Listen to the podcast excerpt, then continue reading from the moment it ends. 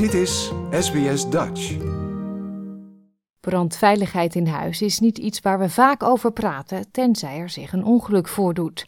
Voor de veiligheid van u en uw gezin is het belangrijk om u bewust te zijn van de risico's en alle nodige voorzorgsmaatregelen te treffen om te voorkomen dat er brand uitbreekt in uw huis. SBS Dutch op radio, online en op je mobiele telefoon. De meeste huisbranden ontstaan per ongeluk en zijn te voorkomen. De gevolgen van een brand kunnen onomkeerbaar zijn. De kleinste vlammen kunnen leiden tot de meest verwoestende schade, soms zelfs met dodelijke afloop. Uit een gezamenlijk onderzoek van Natural Hazards Research Australia en Fire Rescue Victoria in 2019 blijkt dat er elk jaar meer mensen omkomen bij woningbranden dan bij andere natuurlijke gevaren, zoals overstromingen, stormen en bosbranden samen. Andrew Gissing is co-auteur van het rapport en de CEO van Natural Hazards Research Australia. Hij zegt dat hun bevindingen over vermijdbare dodelijke slachtoffers en brandveiligheid nog steeds relevant zijn. So, residential fire fatalities are unfortunately too common in Australia. Our research showed that between 2003 and 2017, that 900 people had died in preventable residential fires. Each one of these fatalities is an absolute tragedy. The number of fatalities averaging across that period of time was 64 deaths per year. De meeste woningbranden ontstaan per ongeluk en zijn te voorkomen. Uit onderzoek blijkt ook dat de meeste fatale woningbranden ontstaan in de winter door onveilig gebruik van verwarmingsapparatuur of methodes. De brandweer dringt er bij mensen op aan om hun verwarmingstoestellen te gebruiken op de door de fabrikant aanbevolen manier. Dit betekent onder meer dat u het gebruik van terrasverwarmers binnenshuis moet vermijden, inclusief apparaten die warmtekorrels of vloeibaar petroleumgas, LPG, als brandstof gebruiken. Volgens meneer Gissing zijn deze verwarmingsapparaten niet geschikt voor gebruik binnenshuis, omdat het kan leiden tot een opeenhoping van een dodelijke dosis koolmonoxide. Preventable residential fire fatalities occur more commonly during winter. Many of these are being caused by heaters or open fires, etc. And certainly, people during the winter months should be particularly mindful when they're using heaters or open fires, etc., of the associated fire risks. Volgens de studie lopen mensen ouder dan 65 jaar of jonger dan 5 het meeste risico om om te komen bij een woningbrand. Kinderen zijn ook kwetsbaarder voor brandwonden, zelfs wanneer ze worden blootgesteld aan een kleine, gemakkelijk te blussen brand. Simone Sullivan, manager van de Kids Health Promotion Unit bij de Sydney's Children's Hospital Network, legt uit. So, generally, younger children are the most at risk group, and they're actually quite curious. So, these accidents generally just happen in seconds.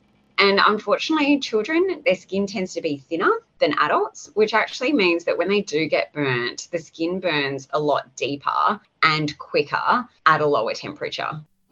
Verwarmingstoestellen en rookwaren worden vaak in verband gebracht met woningbranden. Maar meneer Kissing benadrukt dat het vaak een combinatie van risicofactoren is die een brand veroorzaakt. Most preventable residential fires resulting in fatalities were caused by cigarettes, electrical faults, heaters, and open fires. But I think a key point is that when we think about risk factors, the research certainly shows that there is not just one dominant risk factor. When we look at the tragic victims of preventable residential fires, there was often a co occurrence of a range of different factors which surrounded those individuals, their behaviours, their residential environment, Andrew Gissing voegt eraan toe dat simpele brandveiligheidsmaatregelen in huis, zoals het hebben van een werkende rookmelder, een brandtrappenplan en het niet onbeheerd achterlaten van pannen op het gasfornuis, het verschil kunnen maken. Mark Halverson is manager voor brandveiligheid bij de Queensland Fire and Emergency Services, QFES.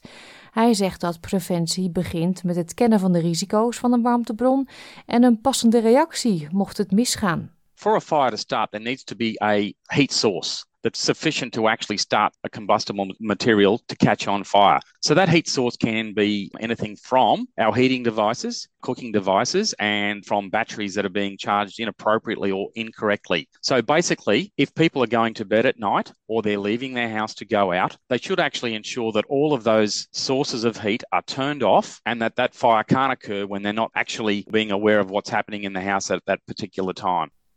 De afgelopen jaren is er een aanzienlijke piek in het aantal woningbranden veroorzaakt door apparaten die werken op lithium-ion batterijen. Volgens meneer Halverson zijn deze branden te voorkomen als mensen zich bewust zijn van de risico's die verbonden zijn aan het gebruiken van een ongeschikte oplader voor hun apparaten.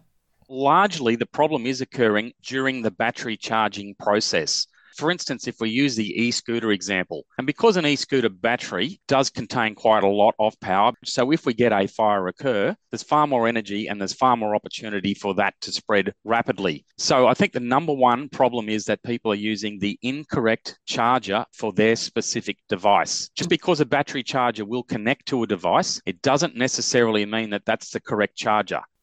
Ook in de achtertuinen van mensen zijn veel brandbare materialen te vinden. Denk aan uitgedroogde takken, opgeslagen hout, oude kleding, apparatuur die snel vlam vat, maar ook de meeste producten en chemicaliën die gewoonlijk in schuren worden bewaard. Meneer Halversen vertelt hoe je brandstoffen het beste kunt bewaren.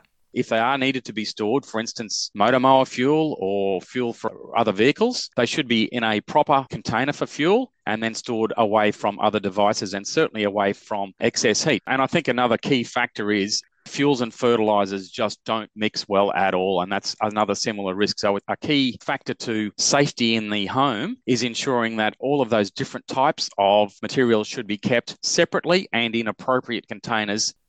Hoewel rookmelders geen brand voorkomen, geven ze mensen een noodzakelijke vroegtijdige waarschuwing en soms zelfs de kans om een brand vroegtijdig te blussen.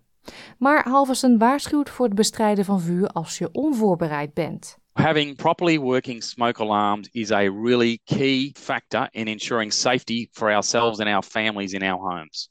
And if people are confident and have the right equipment to extinguish that fire, then by all means that gives them the opportunity. But I would strongly suggest that if people are not confident or don't have the right equipment to attack that fire themselves, the most important thing they can do is to take themselves and their families and anyone else is in the home immediately outside and then call triple zero to request the response of the local fire service. Het is van cruciaal belang dat elke bewoner van het huis weet wat hij of zij moet doen in geval van brand.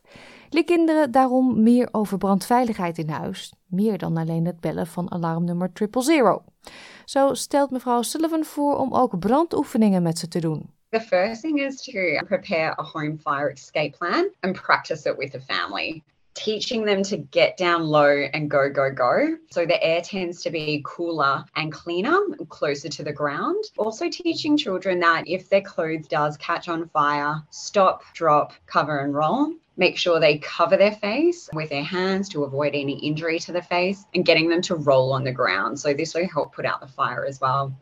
Met uw kinderen praten over brandpreventie kan beangstigend zijn. Mevrouw Sullivan heeft enkele tips om het gesprek wat minder zwaar te maken.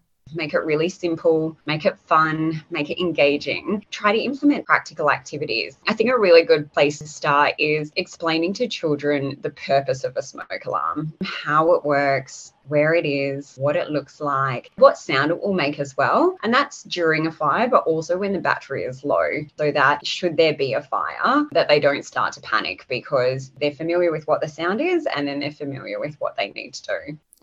Deze Settlement Guide werd samengesteld door Zoe Tomaidu en vertaald door SBS Dutch.